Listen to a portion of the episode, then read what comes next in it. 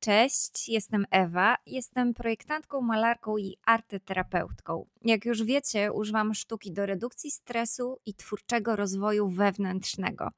Nagrywam podcast o nazwie Jak pokochać sztukę.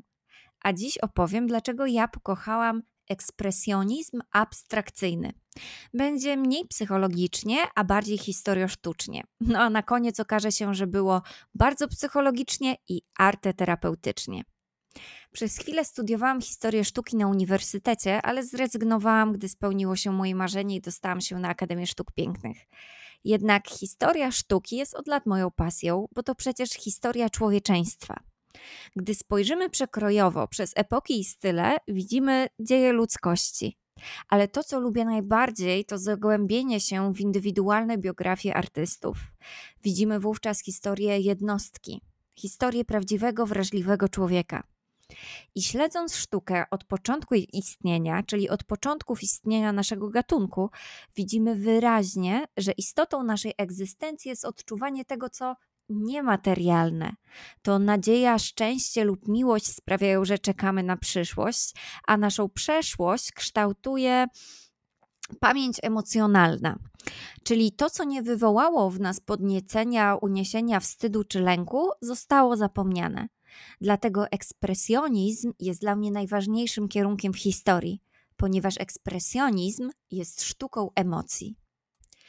Dziś będę odwoływała się do dzieł sztuki, które możecie odnaleźć w internecie korzystając z dowolnej przeglądarki. Odnajdujcie je od razu w trakcie, gdy o nich mówimy i dajcie się wciągnąć w historyczno-sztuczne opowiastki. Ale zacznijmy od teorii. Ekspresjonizm, z łaciny expressio wyrażać, to pierwszy nurt, którego nadrzędnym celem było uzewnętrznienie uczuć artysty. Powstał on w Niemczech w XX wieku w okresie I wojny światowej i był to czas, w którym okradzeni z człowieczeństwa ludzie oczekiwali chwili, w której świat narodzi się na nowo. Kierunek ten brutalnie kształtowało ciągłe poczucie zagrożenia i utrata bezpieczeństwa. Był on również odpowiedzią na szablonowe ruchy komunistyczne, dlatego indywidualność i znaczenie własnego ja, wyrażenie swoich uczuć było głównymi powodami tworzenia. Według mnie okres ten najlepiej opisują słowa niemiecko-francuskiego poety Ekspresjonizm to pierwiastek intelektualny walczący ze światem potęgi materialnej, bunt sumienia przeciw posłuszeństwu, krzyk serca przeciw masakrze i milczeniu uciśnionych. W dziełach ekspresjonistycznych nie widzimy odbicia świata, lecz wnętrze artysty. Jeśli jeszcze nie wiesz, o czym mówię, to mam na myśli te tak zwane bohomazy, e, przy których słyszymy komentarze: hm, tak, to ja bym namalował. I dokładnie taka jest istota tego obrazu. To, że ktoś go namalował, nie to, co i jak namalował. Ale wiedząc, że dany obraz stworzony był w obliczu wojny, przestaje dziwić fakt, że nie jest on ładny, delikatny i szczegółowy. A życie każdemu z nas przynosi prywatną wojnę. W tych momentach dla artysty ważny jest uwalniający emocje proces twórczy, a nie piękny efekt końcowy. Nie ma artystów oderwanych od elementów społeczno-politycznych, jak i sztuki oddzielonej od ich osobistych doświadczeń. Prace należące do nurtu ekspresjonizmu abstrakcyjnego osiągają obecnie na aukcjach zawrotne kwoty. Przykładowo, wszystkim znany krzyk Edwarda Manka sprzedano za około 120 milionów dolarów, a dzieło głównego przedstawiciela ekspresjonizmu abstrakcyjnego Jacksona Pollocka, numer 5, osiągnęło rekordową cenę 140 milionów dolarów i przez kilka lat było najdrożej sprzedanym dziełem sztuki.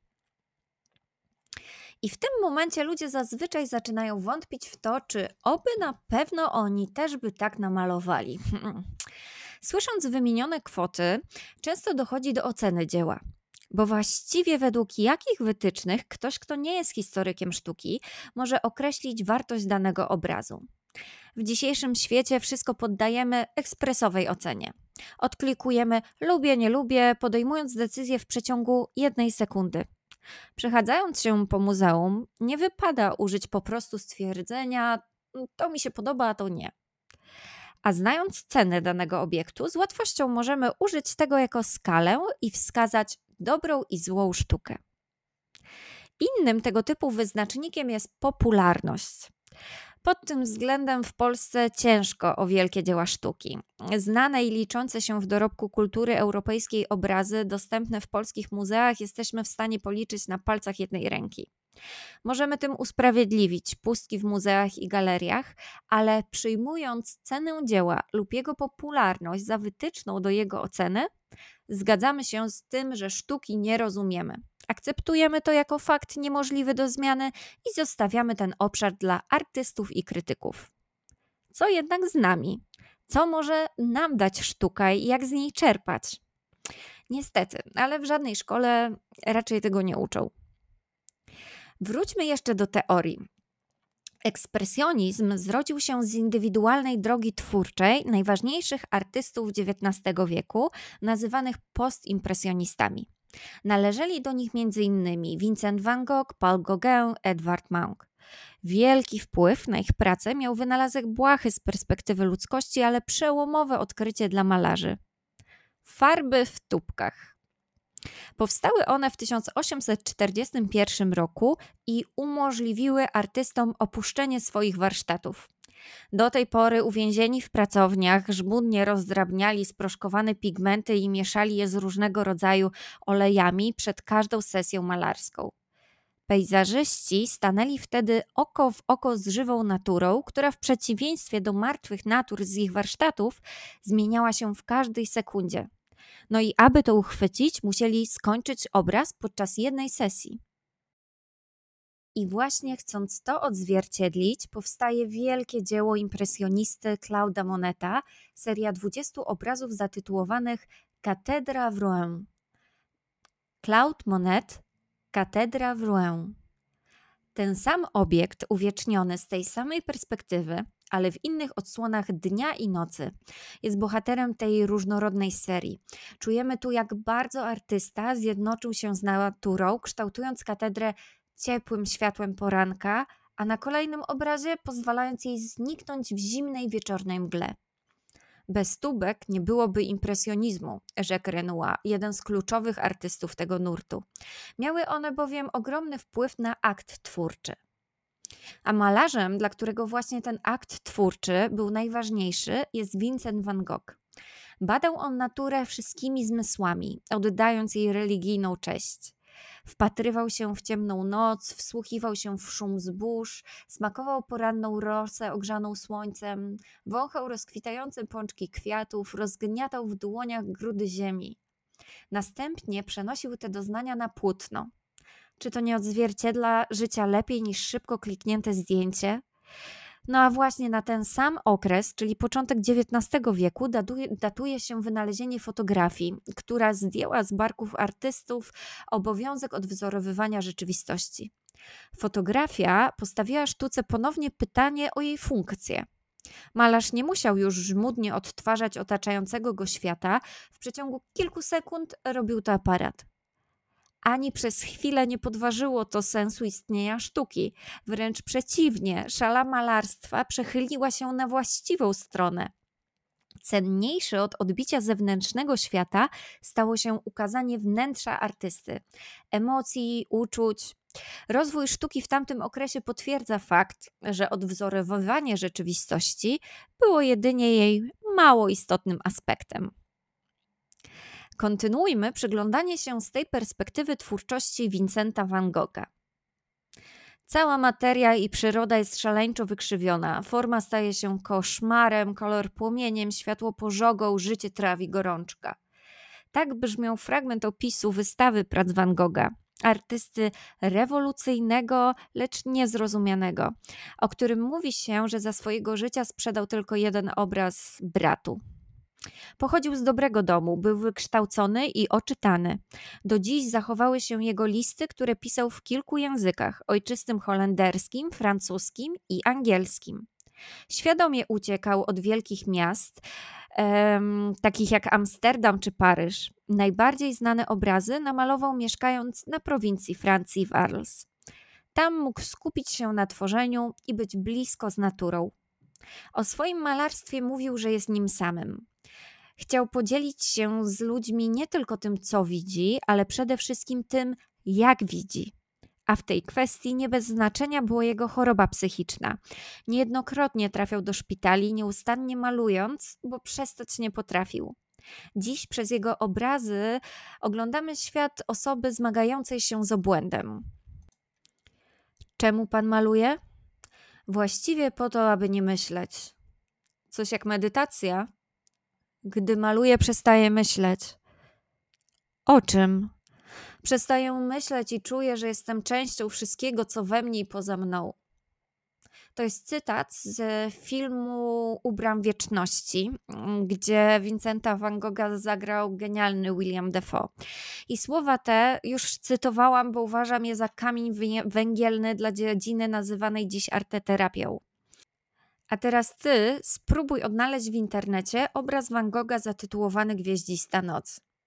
Z pewnością tym razem spojrzysz na niego zupełnie inaczej. Obecnie Van Gogh jest jednym z najbardziej znanych malarzy. Można powiedzieć, że jego twórczość towarzyszyła nam, gdy dorastaliśmy. U mojej cioci na ścianie wisiała reprodukcja słoneczników i pamiętam, że jako mała dziewczynka dziwiłam się, czemu ten obraz tak się nazywa. Nie przedstawiał przecież tych pięknych kwiatków z żółtymi listkami otaczającymi okrągły środek niczym promienie słońca. Teraz już też rozumiem, czemu słoneczniki Van Gogha są zwiędłe, wyschnięte, zniekształcone, brudne i brzydkie. I podziwiam jego twórczość, cenię ją nieporównywalnie bardziej niż prace, przy których słyszymy komentarze ale piękne. Nie wiadomo, czy to obraz, czy zdjęcie.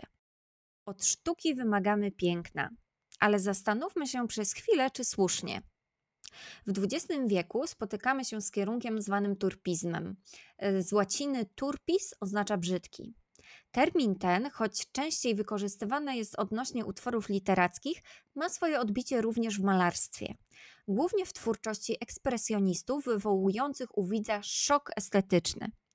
Nurt ten stawia również bardzo dobre pytanie o to, co jest człowiekowi bliższe: piękno czy brzydota. Charakterystyczne motywy określające poezję turpistyczną odnajdujemy w twórczości norweskiego malarza Edwarda Manka. Kalectwo, choroby, śmierć, przemijanie, starzenie się, rozkład. Usłyszałem krzyk, a więc namalowałem chmury tak jakby były krwią i sprawiłem, że nawet kolory zaczęły krzyczeć. Tak Munk odpisuje swoje najbardziej znane dzieło Krzyk. Tym samym potwierdza nam, że odtworzenie rzeczywistości nie było jego celem. Chciał pokazać emocje, przerażenie, strach i lęk. A przecież uczucia te nie mają swojej formy materialnej, fizycznej. Więc czy można je odtworzyć, zobrazować? Tak, ekspresjonizm odkrył, że można. Powróćmy jeszcze na chwilę do tła historycznego, aby określić te główne cechy tego nurtu. Ekspresjonizm, jako jeden z najważniejszych kierunków sztuki XX wieku, narodził się około 1905 roku w Niemczech. Pracę w tym stylu tworzyła artystyczna grupa Die Brook Most, której niektórzy członkowie brali udział w trwającej obecnie I wojnie światowej, a doświadczenie to z pewnością odcisnęło piętno na ich sztuce wypełnionej lękiem i niepokojem. Odrzucili oni wszelkie ograniczenia a ich malarstwo cechowała deformacja form, plamy brudnego koloru przeplatały się z surową kreską odzwierciedlającą złowrogą rzeczywistość. W latach 30. nazistowska partia prześladowała ekscentrycznych artystów, chcąc unicestwić ich twórczość. Hitler grabił dzieła sztuki w całej Europie. Doskonale zdawał sobie sprawę z ich siły i oddziaływania na przestrzeń publiczną. Dlatego wykorzystał je do propagowania estetyki III Rzeszy i swoich idei. W Monachium zorganizowano wówczas wystawę tzw. Tak sztuki zdegenerowanej, na której skonfiskowane z muzeów dzieła m.in. Picassa, Van Gogha, Matissa zaprezentowano pośród prac ludzi niepełnosprawnych intelektualnie. 650 obrazów rozwieszonych niedbale jeden przy drugim w atmosferze chaosu.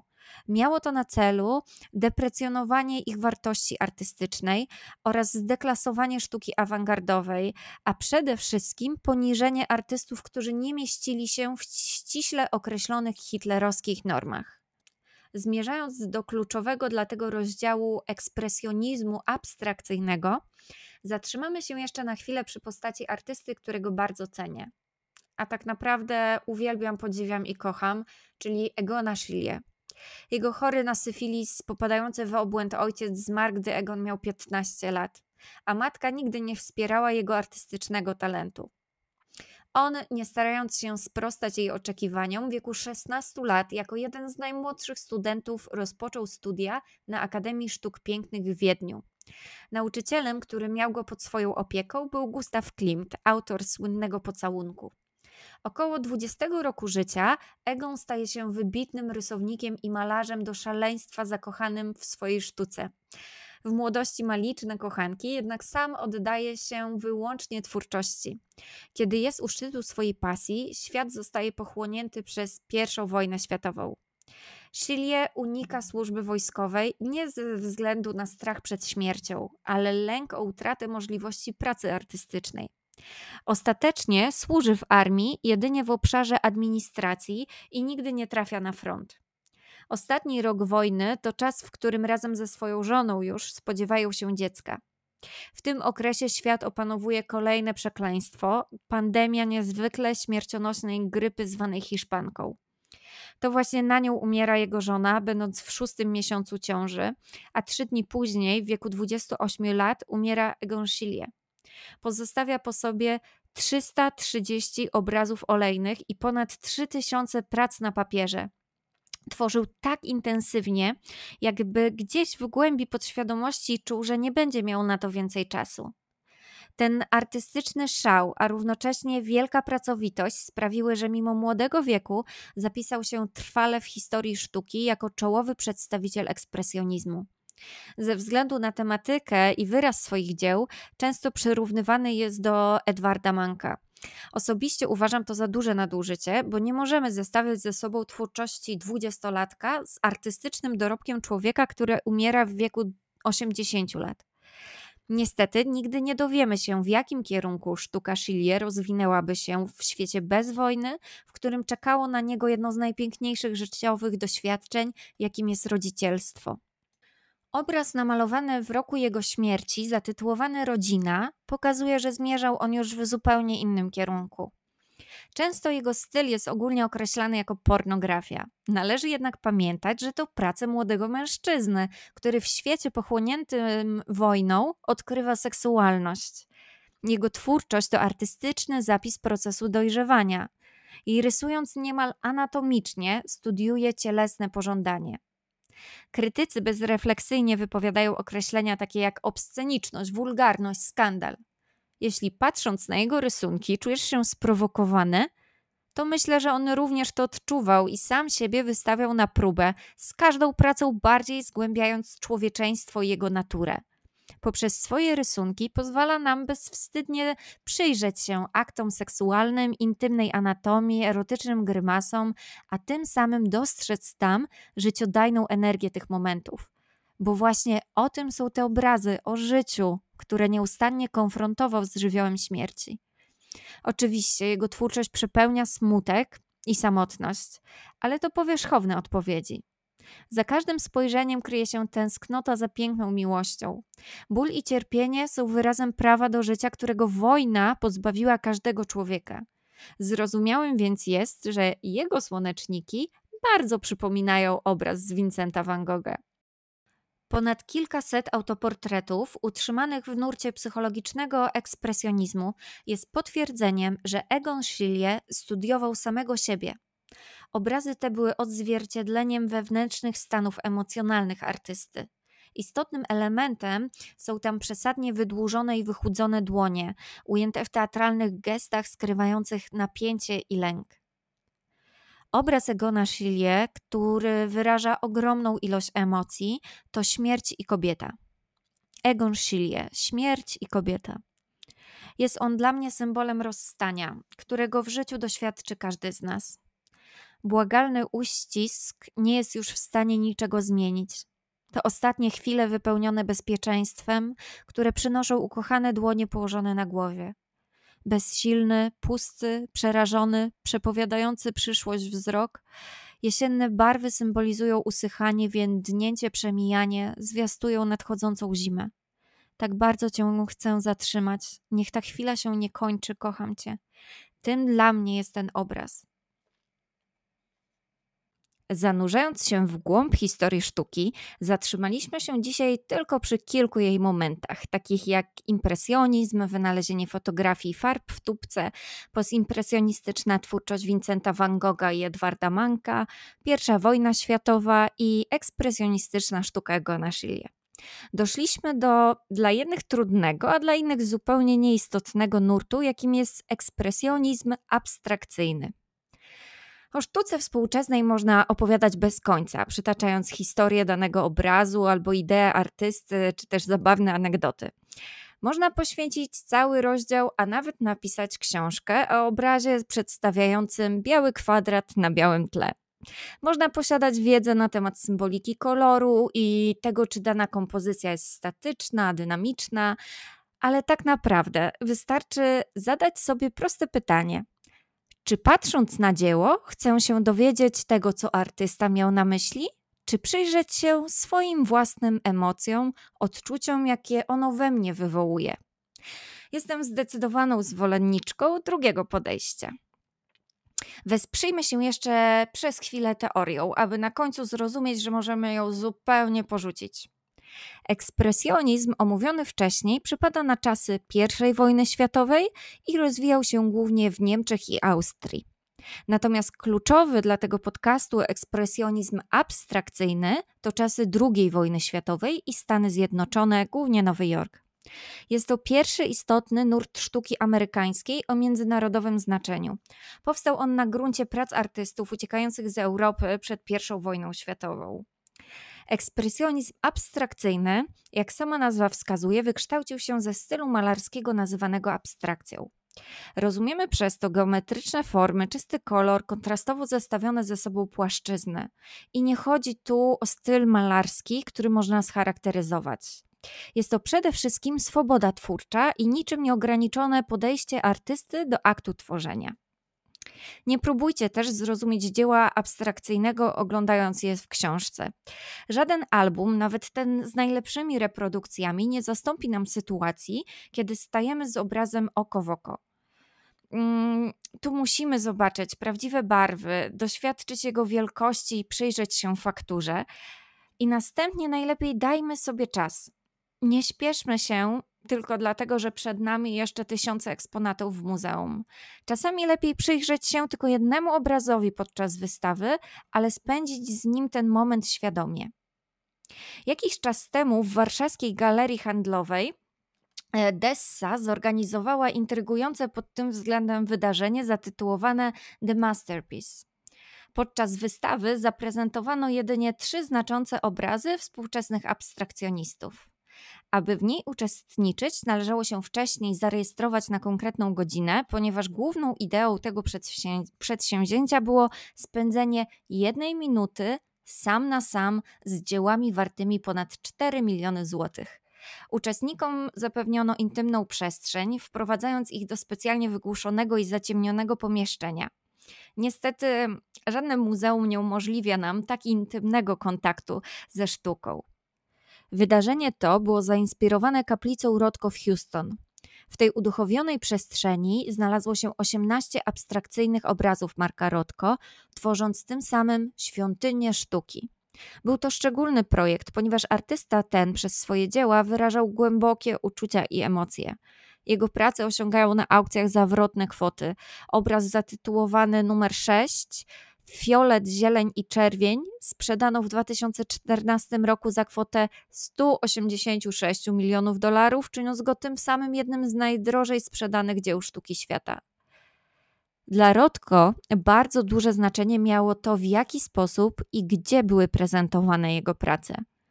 Pewnego razu zdecydował się nawet na zrezygnowanie z bardzo dobrze płatnego kontraktu, gdy uświadomił sobie, że jego obrazy będą wisiały w restauracji prestiżowego hotelu i nikt ich tam nigdy nie zrozumie. Podpowiadał on nawet widzowi, jak oglądać jego abstrakcyjne płótna.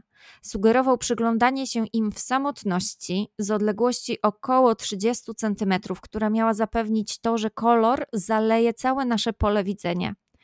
Wskazywał również odpowiednie zaciemnienie przestrzeni, tak aby nasze oko mogło skupić się na barwach wyłaniających się z mroku. W ten sposób zaprezentowane jego prace widziałam w Tate Gallery w Londynie. Całe pomieszczenie zostało wydzielone jedynie na twórczość Marka Rotko. Jego płótna zaskoczyły mnie swoim ogromem. Te rozmiary sprawiły, że kolor stawał się monumentalny. Uczestnictwo w wystawie jego obrazów było dla mnie niczym medytacyjny rytuał. Kolejnym wielkim artystą, który stał się ikoną nurtu ekspresjonizmu abstrakcyjnego, jest Jackson Pollock. W największym uproszczeniu jego malarstwo można nazwać chlapaniem farbą po płótnie. Moje odczucia w stosunku do jego prac są takie, że ta forma sztuki była oczyszczająca przede wszystkim dla niego. Porzucił on pędzel, będący atrybutem malarza, a farbę wylewał bezpośrednio z puszki na płótno. Akt twórczy przypominał tym samym szamański taniec mający uleczyć duszę artysty. Jego płótna to przypadkowość, szaleństwo, obłęd, ekstrawaganckość i zaskoczenie dla samego autora, a każda z prac staje się jedyna w swoim rodzaju, unikatowa i niepowtarzalna, a przez to bezcenna. W przypadku większości obrazów abstrakcyjnych istotna w odbiorze, e, w ich odbiorze jest wielkość. Są to du zazwyczaj duże formaty umożliwiające artyście rozmach, swobodę gestów i nieskrępowane poruszanie się po powierzchni płótna w trakcie tworzenia. Z rozczarowaniem sobą muszę przyznać, że gdy stanęłam przed obrazem Pollocka w Muzeum Sztuki Współczesnej w Los Angeles, nie poczułam nic. Jednak jest on dla mnie ogromną inspiracją i znalezienie się przed jego płótnem było spełnieniem moich marzeń. Jak dobrze wiecie, głęboko wierzę, że sztuka ma terapeutyczny charakter. W przypadku Rotko wykorzystuję go w sposób bierny, będąc obserwatorem jego dzieł. Pollock natomiast inspiruje mnie do terapeutycznego wykorzystywania sztuki w sposób czynny. Ośmiela on do niczym nieskrępowanego tworzenia pozwala sztuce płynąć przez swoje ręce, tworzy całym ciałem i poddaje się przypadkowi. Ta technika wprowadza w trans, tym samym przenosi nas w obszar relaksacji. Jego sława powinna każdego z nas ośmielić do podjęcia działania. Nie namawiam do dopatrywania się w jego pracach ukrytych znaczeń, odczytywania zawiłych kształtów, analizowania kompozycji bo jest to dziełem przypadku, ale postaw go sobie za symbol beztroskiego tworzenia i spróbuj podjąć próbę. Zapominając o wszystkich słowach z dzieciństwa wypowiedzianych w Twoim kierunku, no talentu do rysowania to Ty nie masz. Tytuł tego podcastu brzmi Dlaczego kocham ekspresjonizm abstrakcyjny? I na to pytanie odpowiem opisując twórczość jednego z moich ulubionych artystów, Franza Klein, jego prace to duży format, czerń i biel, dynamiczne pociągnięcia pędzla. Nic więcej. Niektórzy doszukują się w nich inspiracji kaligrafią japońską, czy też miejskimi mostami i tym podobnym, ale dla mnie jego obrazy to symbol, symbol twórczego gestu. Malarz nie myśli o wykonywaniu każdej kreski, każdego pociągnięcia pędzlem. W pewnym momencie to akt tworzenia przejmuje kontrolę. Mm, niczym oddech, to się po prostu dzieje. I właśnie te momenty podczas tworzenia są dla mnie magiczne, gdy myśli odcinają nas od przyszłości i przeszłości, umieszczają nas w przestrzeni tu i teraz. Stan ten przypomina medytację, taki rodzaj transu. Dlatego w arteterapii podkreślane jest, że efekt końcowy nie jest ważny. Najważniejszy jest proces, proces tworzenia.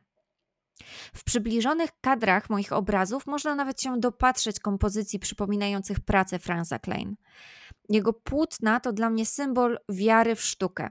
Aby tworzyć abstrakcję, trzeba być jej pewnym i nie wątpić, przestać myśleć i po prostu czuć, dać się ponieść w sztuce malować dla samej czynności tworzenia, a nie dla efektu końcowego, za który nas pochwalą. Malować emocjami, bo przecież każdy z nas w swoim życiu przechodzi przez swoje własne bitwy i wojny. Na koniec zdradzę Wam jeszcze moje marzenie. Moim marzeniem jest to, abyśmy pomalowali razem. I w ostatnim czasie naprawdę pracuję nad tym, aby to się zadziało. Dziękuję i do zobaczenia. Pamiętajcie, jeśli uważacie te treści za wartościowe, podzielcie się tym podcastem w swoich mediach społecznościowych, Instagramie lub Facebooku. Niech inni też pokochają sztukę. Do usłyszenia. Ewa Świter.